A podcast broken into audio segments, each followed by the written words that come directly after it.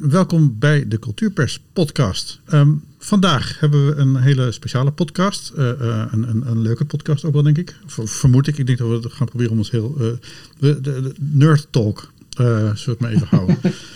um, we spreken namelijk vandaag met Marijn Lems. Marijn Lems is uh, criticus voor uh, NRC Handelsblad en Theaterkrant, volgens mij. heb, heb, je nog meer? nee, dat is het voornaamste. Theaterkrant, Theaterkrant Magazine en NRC. Ja, ja Theaterkrant Magazine heeft, de Theaterkrant heeft gewoon een magazine. Nou, dat was vroeger ja. het gerespecteerde theatermaker. Maar nu, ja, precies. Nou, wellicht komen we daar over te sprake. Maar de aanleiding was eigenlijk vooral hoe komt een criticus zijn tijd door. En... Um, dat, dat, dat uh, dan heel speciaal. Namelijk uh, omdat Marijn Lems postte op Facebook. Wanneer was het dat je het postte? 27 december zag ik. 27 december. Ja. Um, ik weet dat ik er nog druk in een, in, in, een totale verbouwing van de website zat. Dus ik, ik, ik ja. had sowieso weinig tijd voor dingen. Maar um, wat, wat, wat schreef je, Marijn? Ja, uh, nou ja, is, ieder jaar uh, maak ik een top 20 van uh, wat ik het afgelopen jaar gezien heb. En dan lopen dus films, games, tv en voorstellingen, podiumkunstenvoorstellingen, allemaal door elkaar heen. en ik schreef dat ik dat jaar. ik, ik had eigenlijk een lijst gemaakt van hoeveel van iedere categorie ik dat jaar had gezien. Om een beetje een beeld te geven van waarop het gebaseerd was.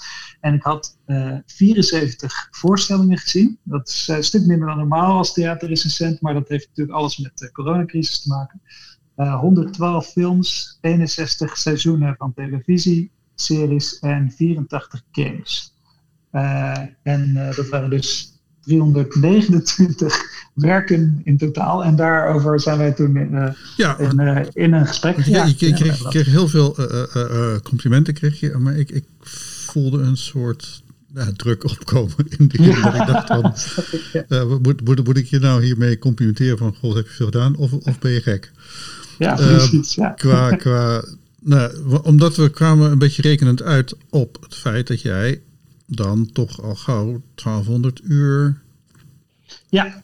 Uh, bezig was geweest dat was wel leuk, omdat, uh, omdat Simon uh, van den Berg zich ook in het. Uh, Simon van den Berg is de hoofdredacteur van Theatermagazine, Theaterkrant en ja. nog meer wat dingen, ja? Ja. ja. En hij zei van, hij, vroeg, hij, vroeg, zich af van, is dit nu wel zoveel? Want filmrecensenten die kijken veel meer. die kijken iets van 300 films per, per jaar. Of ik weet niet, in ieder geval veel meer dan het aantal theatervoorstellingen dat de gemiddelde theaterrecensent kijkt. En uh, dus toen uh, dacht ik, oké, ik zal het eens even uitrekenen. Wat de totale urenbesteding dan al is. Want ja, zo tussen de kerst en oud en nieuw, je, je moet iets met je tijd. Dus uh, dat ja. uh, toen gedaan. En wat ik daar wel interessant aan vond, is dat toch ook vanwege dat games natuurlijk zoveel meer tijd kosten over het algemeen dan de andere media die ik noem. Dat het overgrote, of tenminste meer dan de helft van het aantal uur zat dus in die 84 games. En dan was er nog uh, ongeveer 86 uur maar over voor theatervoorstellingen, 205 voor de films die ik heb gezien en 366 voor de seizoenen tv. En dan kwam je op totaal iets van 1500 okay, ja. uur uit. En uh, uh, dat staat ongeveer voor vier, vier dagen van een volledige werkweek. Nou, wel iets meer volgens mij, want het is, het is voor het urencriterium voor, voor een zelfstandig ondernemer is 1250 ja. uur genoeg.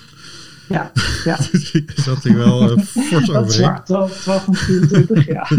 Inderdaad. Uh, um, en, en, en dan moet je er ook nog iets van vinden. Dus die, de, de, de 1500 ja. uur aan, aan, aan pure kijktijd. Nee, ik vind het wel grappig dat je zo op, op dat aantal uren komt. Omdat natuurlijk, hm. er zijn natuurlijk ook wel recensenten bekend die zeg maar een, een, bijvoorbeeld een boek na twee pagina's neerleggen. Omdat ze denken van nou, dat wordt toch niks. En schrijven dan wel flaptekst over. Ja, Zondag jij daar wel eens aan? Of, of is dat... Uh, nou ja, ik schrijf dus uh, eigenlijk vooral over theater. En daar, ja, daar kijk je de hele voorstelling. Het is natuurlijk zo dat je wel eens van theaterrecensenten hoort, van theatermakers hoort dat ze hebben gezien dat een theaterrecensent door de hele voorstelling heen heeft zitten slapen. Dus ja, dat, dat hebben we een paar keer meegemaakt inderdaad, ja. dus dat is het enige waar je dan van zou kunnen zeggen, uh, dan heb je een groot deel van de voorstelling gemist. Dus daar probeer ik dan ook eerlijk in te zijn, mocht dat een keer gebeuren. Ik weet nog één keer dat er gebeurd is bij een lang stuk van een warme winkel, uh, waar ze die, uh, die over Moskou, hoe heet die ook alweer? Moskou op sterk water. Dat boek hadden ze toen mhm. bewerkt. En de eerste twee uur van het stuk bestond uit Vincent Rietveld, die, uit, die eigenlijk het boek uit zijn hoofd voorlas. En toen ben ik in slaap gevallen. Toen heb ik in de pauze gezegd van jongens, het spijt me, ik ben in slaap gevallen. Ik ga het niet recenseren. We sturen zo snel mogelijk een andere recensent die deze week nog tijd heeft. Uh, dus ik probeer er wel zo eerlijk mogelijk in te zijn in ieder geval. Uh, doe, doe even een anekdote Ik, ik weet van een collega, we gaan zijn naam niet noemen, maar die, die op een gegeven moment bij een voorstelling zat toen ik nog heel veel theater ging kijken. Ja. Had ik zelf niet, maar uh, die, uh, ik zag hem in slaap dutten na de eerste hm. scène en ik zag hem wakker schudden vlak voor de voorlaatste scène. Ja. En um, dat, waren, dat was een raamvertelling. Dus de, de, de eerste en de laatste scène gingen over mensen die in de rest van het stuk helemaal niet voorkwamen. Oh, de recensie ging dus over dat als voorstelling en niet over wat er intussen gebeurd was. Oh nee! dus dat, dat was een aardig moment van door de mand vallen. Maar goed, dat, eh, dat, dat, kan gebeuren. Het is mij niet overkomen, gelukkig. Ik, ik, ik, ik, viel vroeger wel eens in, of is dat vechten tegen de slaap. Dat, heb ik wel meegemaakt. Want het is, theater begint altijd op die tijden dat je net zeg maar de maaltijd achter de rug hebt. En ja. Dan heb je altijd net even die. Maar dan heb je, dus, uh, jij hebt dat nog niet, ja, één keer eens aan de hand gehad.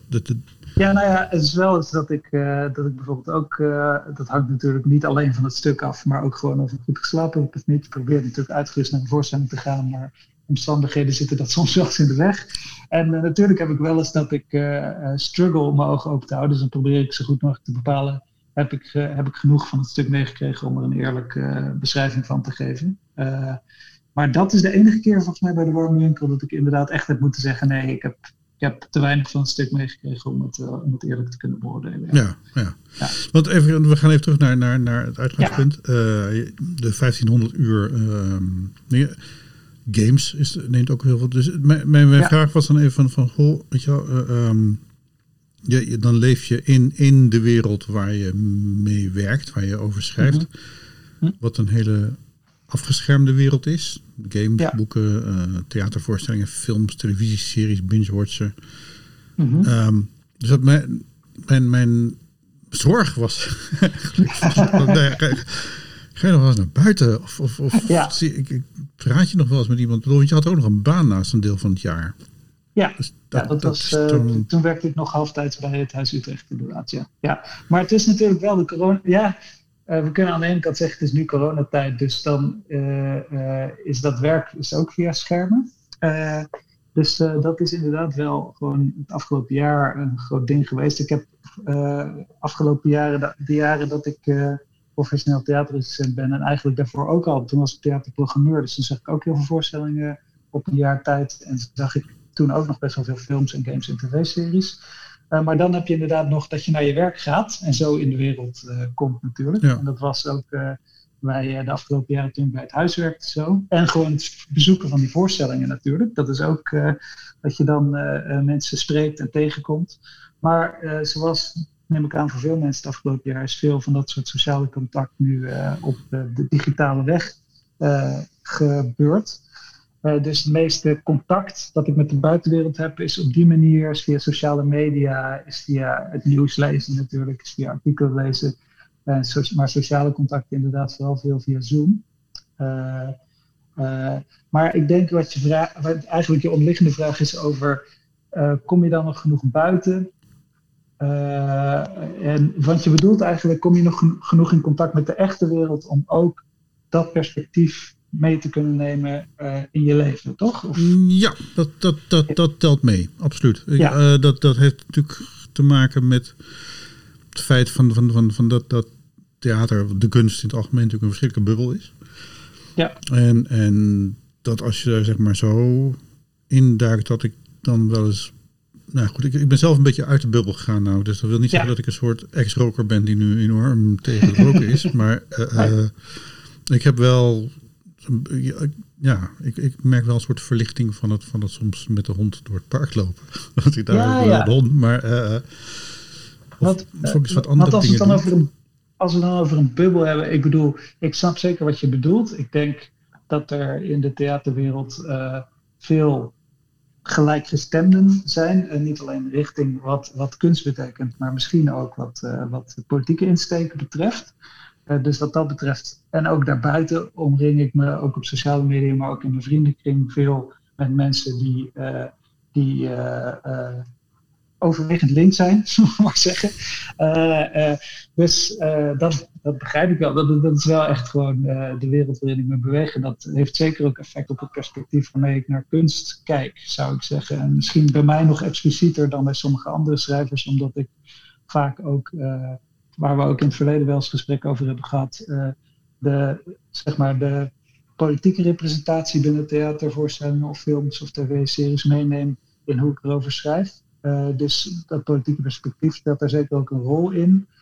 Uh, um, dus ja, dat, dat, dat, dat, dat is wel aan de hand, denk ik. Ik denk alleen wel dat ik genoeg met zeg maar, actualiteit en nieuws en met vrienden spreken bezig ben, dat ik niet uh, het leven als theatervoorstelling hmm. ga zien, zullen we maar zeggen. Maar ja. wel natuurlijk de, de, logica waarmee je binnen de theaterwereld met elkaar praat of, of de gesprekken die er worden gevoerd, zijn vrij sturend voor mijn uh, perspectief op de wereld. Uh, ja. Omdat dat de wereld is waarin ik me beweeg, inderdaad. Ja. Want als jij zegt, hoe, als je daaruit bent gestapt, hoe, hoe als je natuurlijk je, je hond uitlaat in het park is één ding, maar ben je ook andere gesprekspartners gaan opzoeken? Nou, opzoeken niet, je komt ze tegen. dat ja. is dan meer. En um, het is ook meer dat, dat, ik, dat ik op een gegeven moment merkte van, van, van nou ja, eigenlijk het belangrijkste wat ik, wat ik al tien jaar geleden uh, beter liet doordringen. Oké, want ik ging natuurlijk toen ik nog voor de geassocieerde persdiensten en parool en zo schreef, ja. had ik ook vier dagen per week in het theater. En uh, dan zit je ook in een soort, in een soort modus, merkte ik. En, en uh, nou, dat bevalt soms heel goed, soms wat minder. Ja. Um, maar, maar toen ik daar buiten kwam, en dan zeker de eerste stappen op Twitter die iedereen had er in die tijd, 2009, 2008, 2009. Toen ik op een gegeven moment ik wel, tweets van collega's langs zag komen, waar ik echt dacht van ja, dit snap jij, dit snap ik nog wel een beetje. Misschien ja. Maar iedereen die hier naar kijkt, denkt van, wat, waar gaat dit over? Gewoon titels ja. van voorstellingen, uh, uh, namen van makers. Um, natuurlijk, van, van, van, ik, ben, ik ben me wel gaan beseffen hoe marginaal we zijn. En um, dat dat soms wel eens, laat ik zo zeggen, van, van, van, ik, ik ben, ben dingen gaan relativeren zonder ze weg te cijferen. Ja. Zeg maar. Dat ik denk van ja, er gebeuren hele mooie en bijzondere dingen, maar soms vind ik ons met z'n allen, journalisten, makers, ja. critici, ik, bedoel, ik zie daar ook nog wel een onderscheid tussen. Um, ja. dat, we, dat, dat, we echt wel heel erg met z'n allen in, in zo'n in zo'n in zo'n opgesloten dingetje zitten. Ja. Um, dus vandaar ook. En, en ik vond het wel interessant. Jij zei 80, nee, wat, uh, de games 800 uur of zo ja. was het? Ja. 840, ja. De laatste keer dat ik, dat ik een, me echt in een game verloor, want ik, ik kan me dus echt verliezen in een game. En daar ben ja. ik ook mee gestopt, want ik kan daar gewoon echt niet goed tegen. En dat was inderdaad dat, ik, dat ik op een gegeven moment uh, uh, via Steam ontdekte ik Half-Life.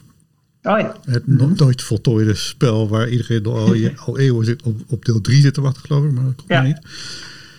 En ja, dan, daar, daar kan ik er niet vanaf blijven. En uh, um, ik, dat, dat, dat, dat wordt mijn hele wereld. Ja. Moet daar dan echt helemaal uitkomen. Dat ik de wijze spreken, zelfs als ik daarna nog naar een voorstelling zou gaan, het nog in die termen van, die, van, van Precies. dat game zou gaan beschrijven.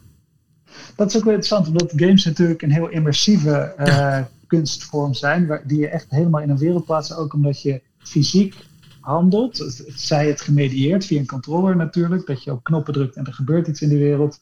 Dat je ook echt je ja, op een bepaalde fysieke manier in die wereld verplaatst. Uh, dat dat die hele.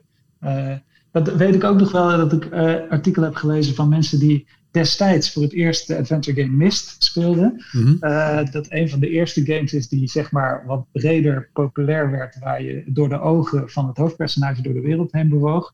Dat die dan de straat op gingen en gevoel hadden van overal op te kunnen klikken. Bijvoorbeeld een putdeksel op de straat te kunnen zien en denken van, hmm, wat zit er onder dat putdeksel? Ja. Uh, en dat dat dan op een bepaalde manier naar de wereld kijken is. Ja. En uh, voor mij klopt dat ook wel. Als ik echt helemaal in een game zit, merk ik een soort van, zeg maar, als ik heel lang op een dag zit te gamen, dan merk ik wel een soort van waas. en waar je dan uit, uit moet komen.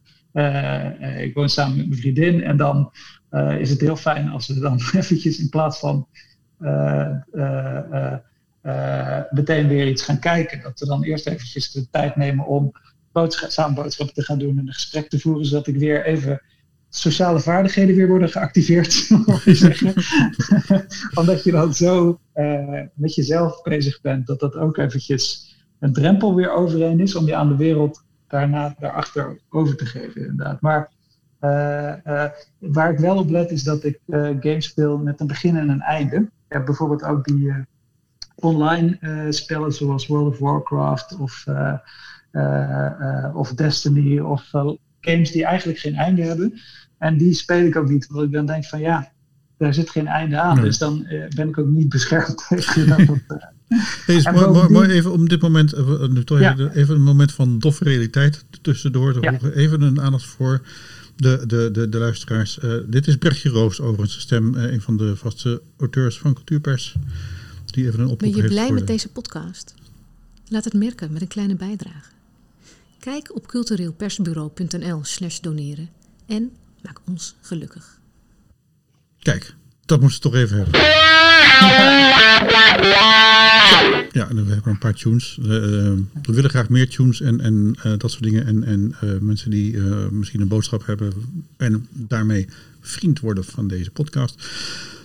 Enfin, games. Ja, hoe, hoe was het voor jou dan als je dan zegt van half, want Half-Life zit ook een begin en een eind aan? Of had je dan toch het gevoel van nee, maar dan speel ik het weer helemaal opnieuw vanaf het begin? Of, uh, nee, ik, ik, op een gegeven moment heb ik daar geen geduld meer voor. Dan, dan, ga, ik, dan ga ik op internet zoeken naar walkthroughs, uh, door, door, ja. doorloopmogelijkheden, oplossingen enzovoort. En dan lukt het me nog niet. En dan denk ik op een gegeven moment van nou, fuck, ik heb volgens mij deel 2 nooit helemaal afgespeeld. Nee. Dus dat, uh, omdat het gewoon ingewikkeld wordt, of dan had je niet genoeg spullen bij je, of nou ja, whatever. Ja. En dan kan ze een groot monster. En dan denk ik van, nou, dan denk ja. ik van, jongens, fuck you. En, en uh, ga meestal weer. Maar goed, ik had, ik had bijvoorbeeld vroeger, ik, het allereerste spelletje wat ik ooit speelde was A2 Racer.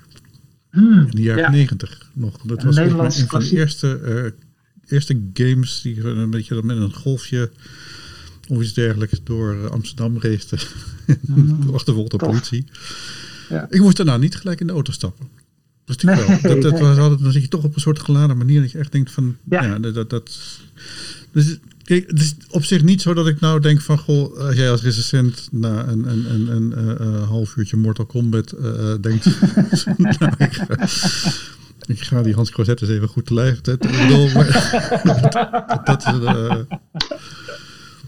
Maar ja, het is, het, is, het is wel een interessant soort achtergrond ja. wat je dan uh, hebt. Ja. Ik denk dat het wel, uh, uh, dat naarmate nu ook meer uh, theatermakers van mijn generatie en jongere generaties ook voorstellingen gaan maken die ook putten uit, uit die bredere beeldcultuur waar games ook onderdeel van zijn, denk ik dat dat me af en toe helpt om uh, te begrijpen wat de codes van, uh, van bepaalde nieuwe voorstellingen zijn. Zeker bijvoorbeeld mm. interactieve voorstellingen, waarin je merkt dat mensen die games spelen of die weten wat dat is, op een andere manier met de vrijheden die zo'n interactieve voorstelling geeft omgaan dan mensen die dat niet hebben. Die voelen, andere mensen voelen zich wat meer beschroomd om eerst na te denken wat wil de maker van me of wat mag ik precies. En gamers die uh, hebben meer de neiging om zelf daar de grenzen in op te zoeken.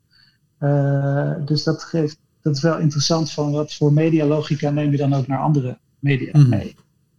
Ja.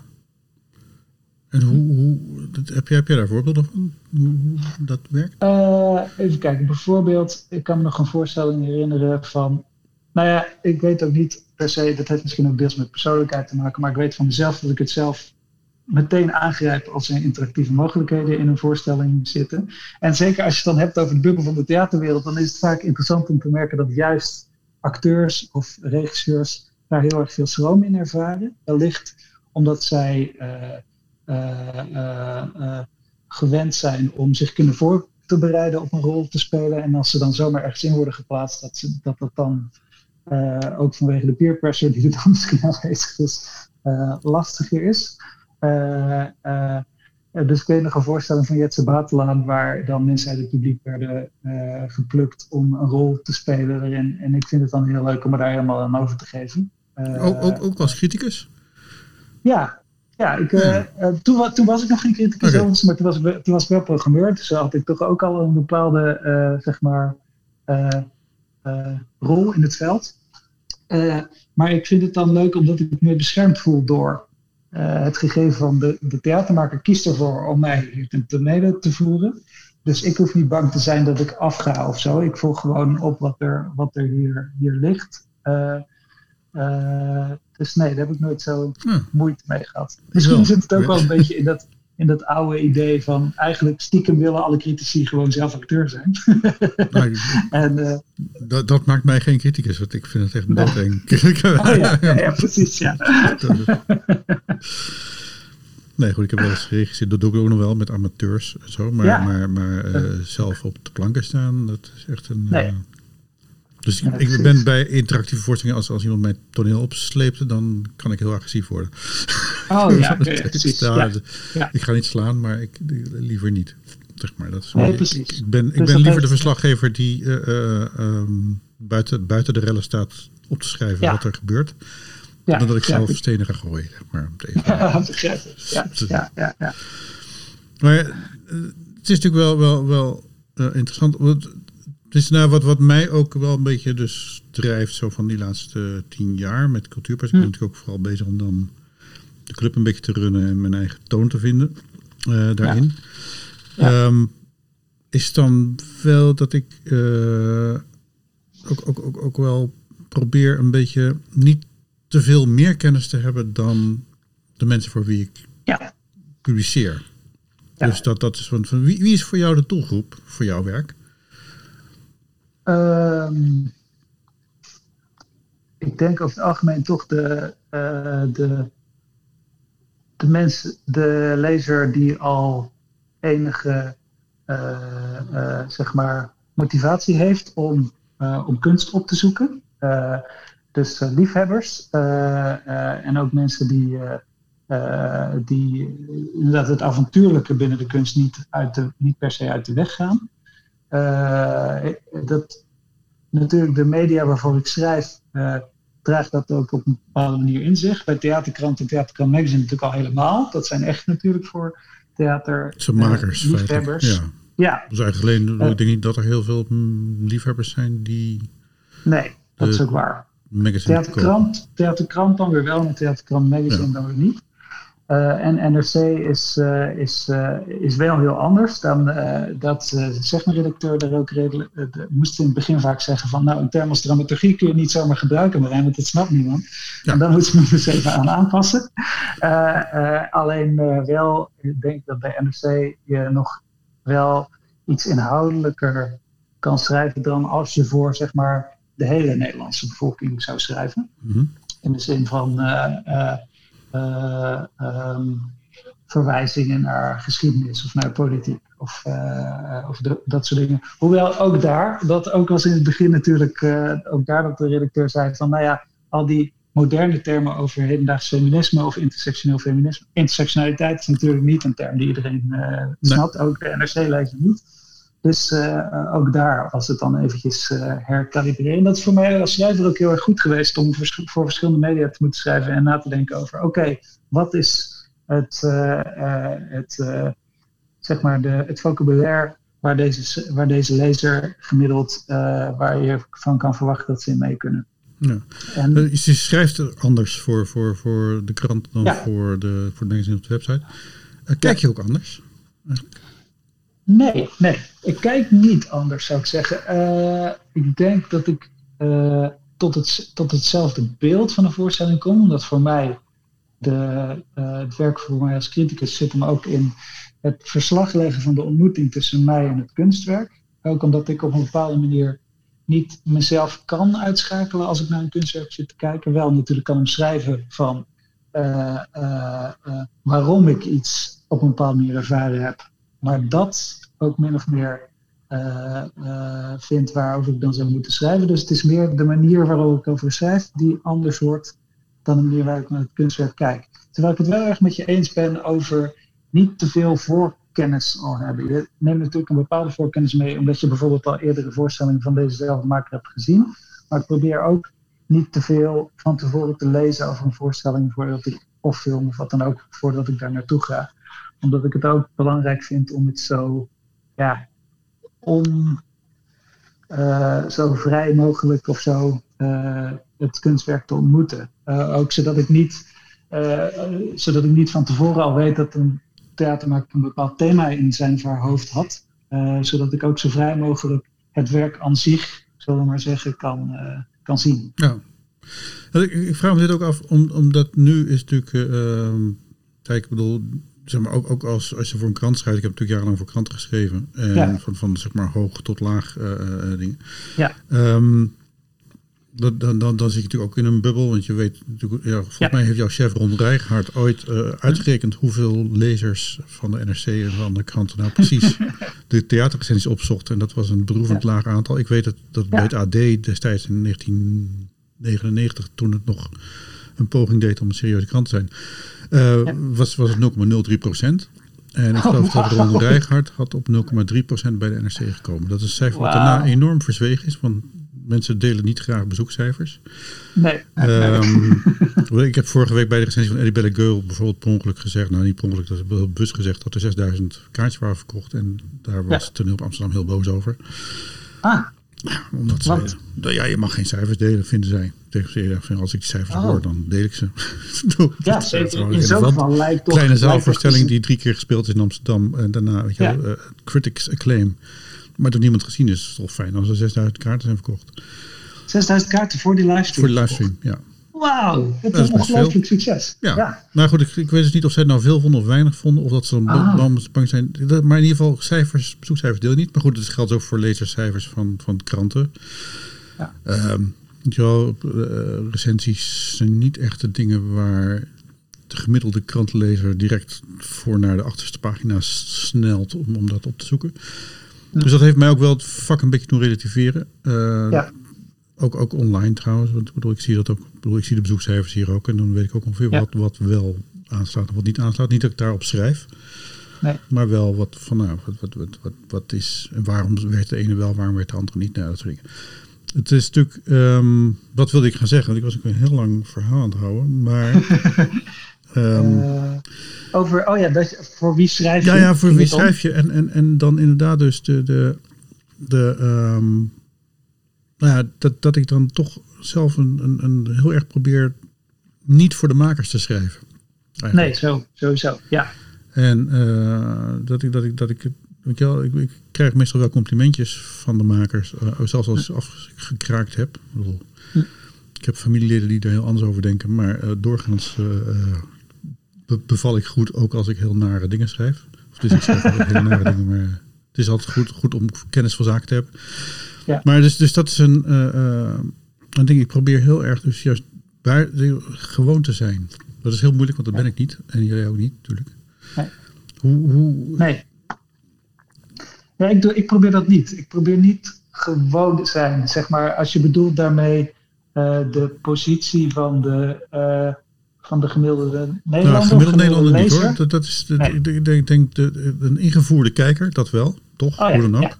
Maar. Die moet het met mijn stuk in de hand ook aan zijn buurman of vrouw kunnen uitleggen. Ah ja. Dus ik moet hem wel de Ja. tools in handen geven om, eh, om, om, om, om Ja. iets te kunnen doorgeven, zeg maar.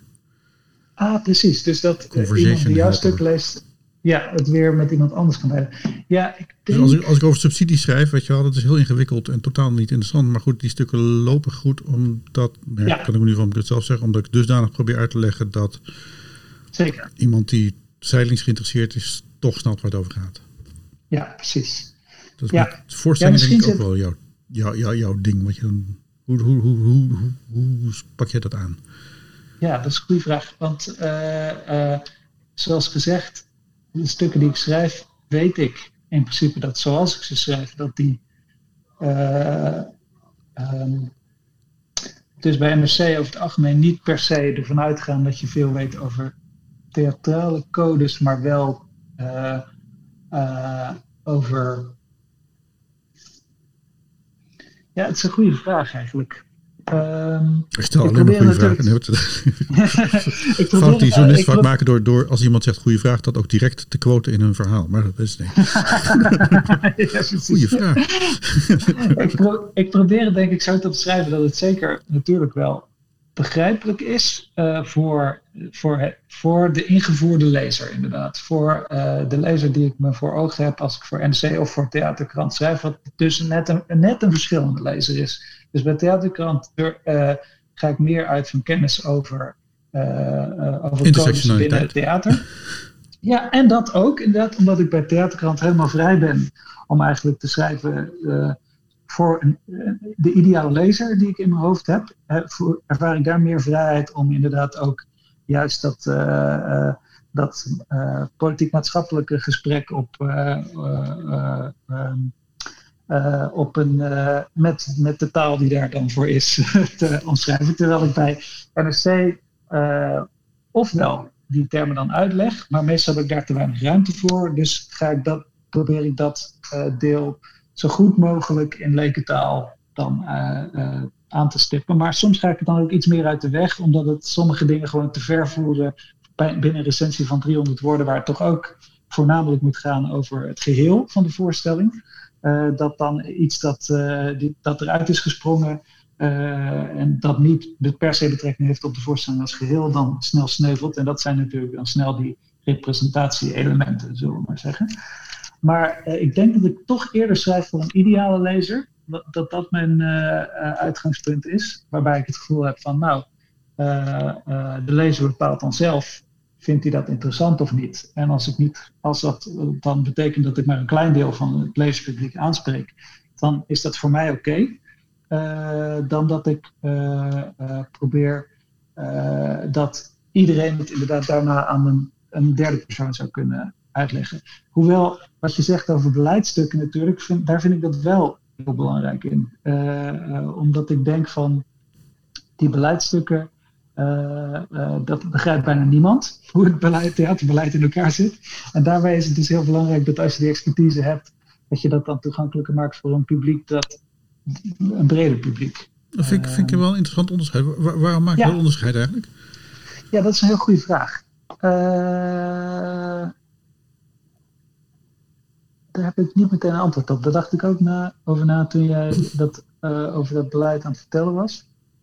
Um, en ik ga er denk ik vanuit dat de, dat de taal waarin ik schrijf over theatervoorstellingen door een breder publiek al wordt begrepen. Uh, zij het nog steeds een niche publiek. Dan als ik uh, over beleidstaal zou schrijven zoals beleidsmensen onder elkaar dat doen. daar denk ik dat dan toch nog een dat dat nog nicher is op een bepaalde manier. Omdat zelfs een groot deel van de mensen binnen de theatersector weinig snappen over hoe het beleid precies in elkaar zit. Uh, Daarom gaat ook uh, zoveel mis. Ja, ja dat het da daarmee een niche van een niche is op een bepaalde ja. manier. En als ik het gevoel zou krijgen natuurlijk dat zoals ik over voorstellingen schrijf, dat dat, dat dat door te weinig mensen wordt begrepen, dan zou ik dat, zou ik dat ook jammer vinden en zou ik er iets aan willen doen. Ja. Ja. Krijg, je wel eens reacties, of wat, wat voor reacties krijg je eigenlijk eh, uit het veld? Want op Facebook uh, zien we in principe alleen maar van de mensen die, die onze vrienden zijn. En ja. Nou, dat zijn allemaal mensen, collega's of slachtoffers of, of, of, of ja. beneficiair. ja. uh, um, wat, wat, wat voor reacties krijg je verder dan nog? Ik krijg met enige regelmaat, zeker als het positieve recensies zijn, uh, via privéberichten uh, van makers. Ja, van, maar, maar dus van buiten, buiten, buiten ah, die, die buiten de makers. Want dat is dan. Uh, buiten de makers zelf krijg ik af en toe inderdaad ook van lezers die het stuk dan hebben gezien. bij NRC, van NRC-titelen krijg ik eigenlijk nooit reacties. Nee, nee omdat Tenzij, ja, trouwens wel bijvoorbeeld bij het stuk over Oostblok dat ik heb geschreven heb natuurlijk, wat eerder onderzoeksjournalistiek mm -hmm. van aard was. Daar heb ik heel veel van mensen gehoord van uh, dat ze het goed vonden dat het aan de kaak is gesteld. Uh, uh, maar bij recensies in NRC, um, daar krijg ik eigenlijk nooit echt reacties op. Misschien ook omdat het kortere stukken zijn. En uh, ook omdat er bij NRC geen directe reactiemogelijkheid is. Ja, ik weet eigenlijk niet. bij theaterkrant komt het in ieder geval vaker voor. Misschien ook omdat de stukken langer zijn en dat meer gewaardeerd wordt. Dat zou kunnen. Um, en als er bijvoorbeeld een negatieve recensie is op theaterkrant, heb je de mogelijkheid om daar meteen rechtstreeks onder te, te reageren. En dat is bijvoorbeeld bij negatieve recensies, krijg ik eerder, zie ik eerder daar reacties dan dat er persoonlijk aan mij iets, iets wordt gestuurd. Hoe, hoe is dat voor jou? Nou ja, ik, ik, ik koester de, uh, vooral in, in, in, in mijn, mijn krantentijd, uh, de, de reacties van, van lezers. Een oudere dame in ah. Haarlem die Weet je wel, die, die door mijn stuk nou, iets, iets heel erg. Nou, enzovoort. Dus ik, ik, laat zo even, ik heb ze niet op, op. Ik heb geen honderden reacties gekregen, maar nee. ik bedoel, tientallen denk ik wel. Ja. En uh, tot natuurlijk een paar keer een, een, een, een, bijna beroepsverbod van een van de producenten. Die vond dat ik te, te, te, vilijn bezig was. Nou ja, dat kan gebeuren.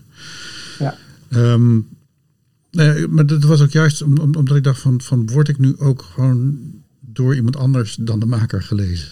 dat is ja, gewoon ja, toch een, een ik, dat is wel een soort, soort idee van, van ja, weet je wel, van, van bedoel, een recensie, weet je wel, natuurlijk wil je dan gelezen worden door die maker. Want ik weet zelf ook, ik heb natuurlijk zelf ook uh, geweest bij het Nationaal Theater en, en bij het Zuidelijk. En dat je, dan weet je dat al die uit, er worden, worden boekjes van gemaakt en dingen, die worden gespeld en, en dingen enzovoort. en, en, nou, dus dat, dat is toch wel een soort eer. Maar dus juist de mensen van daarbuiten vond ik zo belangrijk. Ja. Dus die. Um, ja. Kijk, ik weet, ik weet op een bepaalde manier dat ik gelezen word, omdat dan bijvoorbeeld uh, uh, mensen die mij kennen uh, dus ook familieleden en mensen die niet in het theater zitten, mijn naam dan opeens in de krant zien staan. maar ik kreeg nooit, en dan dat je hoort van, oh wat leuk, zij voor NEC, dat wist ik helemaal niet. Hmm. Maar, en daarmee zeg maar, in de, in de law of averages, weet je dan dat er een, een bepaald aantal mensen je, je, stukken wel lezen. Maar ik krijg nooit echt brieven op basis van, van recensies. laatst, laatst was wel bij NEC een keer, dat toen hebben we in de coronatijd een aantal theaterteksten uh, gelezen en daar stukken over geschreven. Zoals jij zei dat je dat ook in het verleden wel eens gedaan had. En toen hadden we een aantal brieven gekregen van mensen die zeiden van wat waardevol omdat theaterteksten nooit zo literair worden beoordeeld zoals romans, dat bij romans wel zo is. En dat zijn dan mensen die zelf theaterteksten heel erg warm hart toedragen. Mm Niet per se makers zelf, maar gewoon Lezers. mensen. Ja, ja lezers. ja. Dus dat was heel leuk om te merken dat als je dan een, nieuw idee hebt voor iets te doen in de krant, dat daar dan positief respons op is. Maar ook individuele recensies uh, is, is mij nooit iets ter oren gekomen. Nee. Het, het, het, het, was, we gaan trouwens zo afronden. Um, ja. Ik ben al bijna 40 minuten bezig. En dus Als er al mensen überhaupt nog luisteren op dit uur van dag. Nee, um, um, ik, ik heb toen voor theatermaker, toen dat nog een blad was uh, uh, en niet magazine was, uh, heb ik een serie interviews gedaan met toeschouwers. Mm-hmm. En het waren diepte interviews met toeschouwers, dus dat je een toeschouwer net zo interviewt als was het een maker. Ja. Um, en wat er eigenlijk een grote oh, gemeenschappelijke deler was van die verhalen, was dat, nou ja, punt 1, het echt onthullend was voor, voor, voor hoe mensen kijken. Dat, dat wij, journalisten en vooral makers, totaal ander beeld hebben. Maar ook dat ze merken aan de PR, aan de publiciteit die wordt gemaakt. We richten ons op totaal andere dingen dan waar de toeschouwer zich richt. Sowieso, ja. Toeschouwer is niet zozeer geïnteresseerd in verhalen. Die weet niet wie regisseurs zijn, wat regisseurs zijn überhaupt. Gezelschappen zegt hun weinig. Acteurs. Ja. Mooie foto's. That, that, that's it. En dat is helemaal niet erg. Uh, want volgens mij is de acteur nog steeds de, centrale rol in, in, in, in elk theater. En, uh, maar vooral ook het belang wat recensies voor die mensen hadden. Er waren echt, echt fanatieke uh, kijkers die, die, die echt zo'n beetje het halve theater overeind houden met de kaartjes die ze kopen. Ja. Maar um, die hadden ja, niet. En en, en uh, soms achteraf, weet je wel, dan wel eens ja. van nou, of als je dan denkt van dat was een ingewikkelde woordstelling, eens even kijken wat erover staat. Want misschien heb ik dan een betere mening of zo. Of, of kan ik, maar dat, dat dus echt. Um, nou ja, goed. Dus, dus dat, dat wij journalisten en makers onderling echt een enorm belang hechten aan wat we allemaal samen aan het doen zijn. Ja. Terwijl er buiten mensen zich hechten aan acteurs. En zoeken in de ladders van, goh, wanneer is die acteur weer te zien in welke rol. Ja, dat is een beetje hetzelfde als Denemarken heeft 15 acteurs en die spelen al die series. Ja, ja. ik bedoel, uh, waar, waar blijven mensen voor kijken? Voor die acteurs. In wat voor rol zien we hem nu weer? Dat is een beetje. Dat zou je misschien heel plat kunnen vinden als, als, als het. Uh, maar dus ik, hoe, dus ik heb met dat in mijn achterhoofd, die kennis, ben ik ook wel anders gaan schrijven. Niet alleen maar over acteurs, maar wel over van, oké, dit is jouw kennis, dit is jouw referentiekader. Hoe, dus dat is een beetje waarom ik net ook vroeg van, ga je ook anders kijken voor het ene magazine, voor het ene medium, voor het andere medium? Ja, nou, ik denk dat ik zelf, uh, uh, wat je net zegt over het verschil tussen critici en, en kijkers, hoe, hoe we kijken, dat is inderdaad interessant gegeven. Ik heb uh, ook in voorbereiding dit gesprek even wat onderzoeken opgezocht. En daar komt altijd uit dat de smaak van critici sterk zeg maar, uh, sterk afwijkt, de gemiddelde smaak van critici sterk afwijkt van de gemiddelde smaak van tussen aanhalingstekens gewone kijkers, niet professionele kijkers. En dat dat telkens blijkt bij film, bij, bij tv, bij, nou ja, echt. Oh, je loopt vast. Ja, daar ben je weer. Ja, daar ben je. Ja, ja. oké. Ja, je liep, je liep even vast, dus er, er ging... Oh, ja. ik doe even de recorder verder aan weer. Um, ja. Dus dat hier nog niet de opname. Dit, dit, dit knippen we er even uit. Ja, helemaal goed. Dit stukje. Zal ik gewoon uh, opnieuw Begin even opnieuw, want het ging inderdaad over, die, over het verschil tussen de, de, de critici.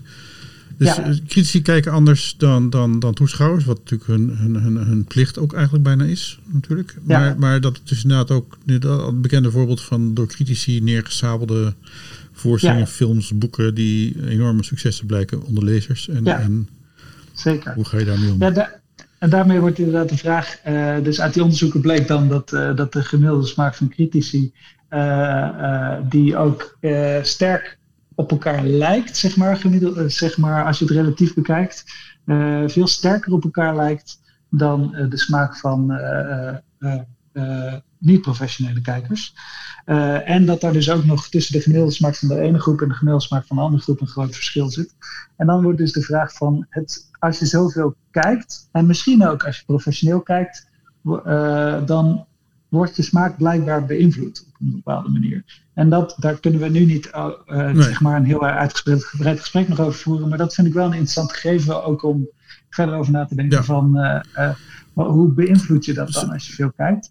Maar als je zegt van ik ben ook meer naar naar het publiek toe. Of tenminste, dat zei je niet. Maar dat je met het, datgeve in je achterhoofd ook anders bent gaan schrijven.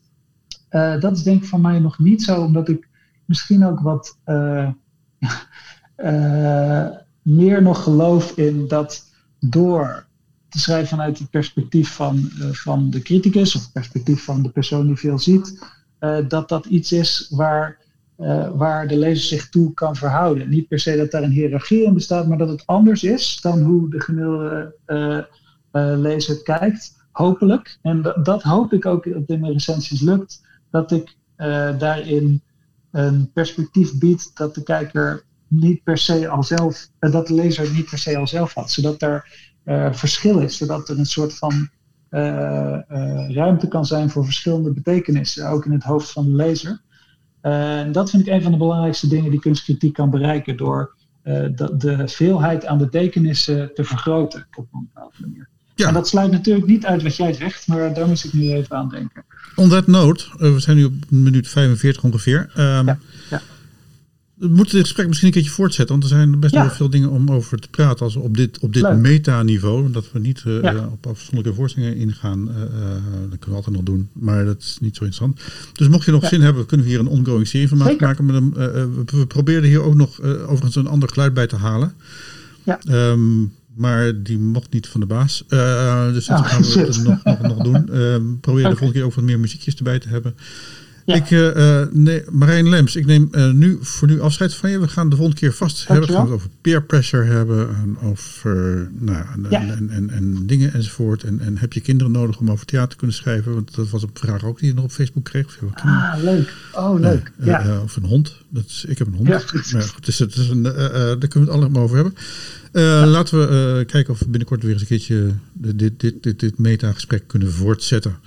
Ik dank graag. je nu hartelijk. En fijn dat je even dit, dit uur. En ik dank ook de luisteraars hartelijk. En ik, nou, er komt nog één donatieoproep.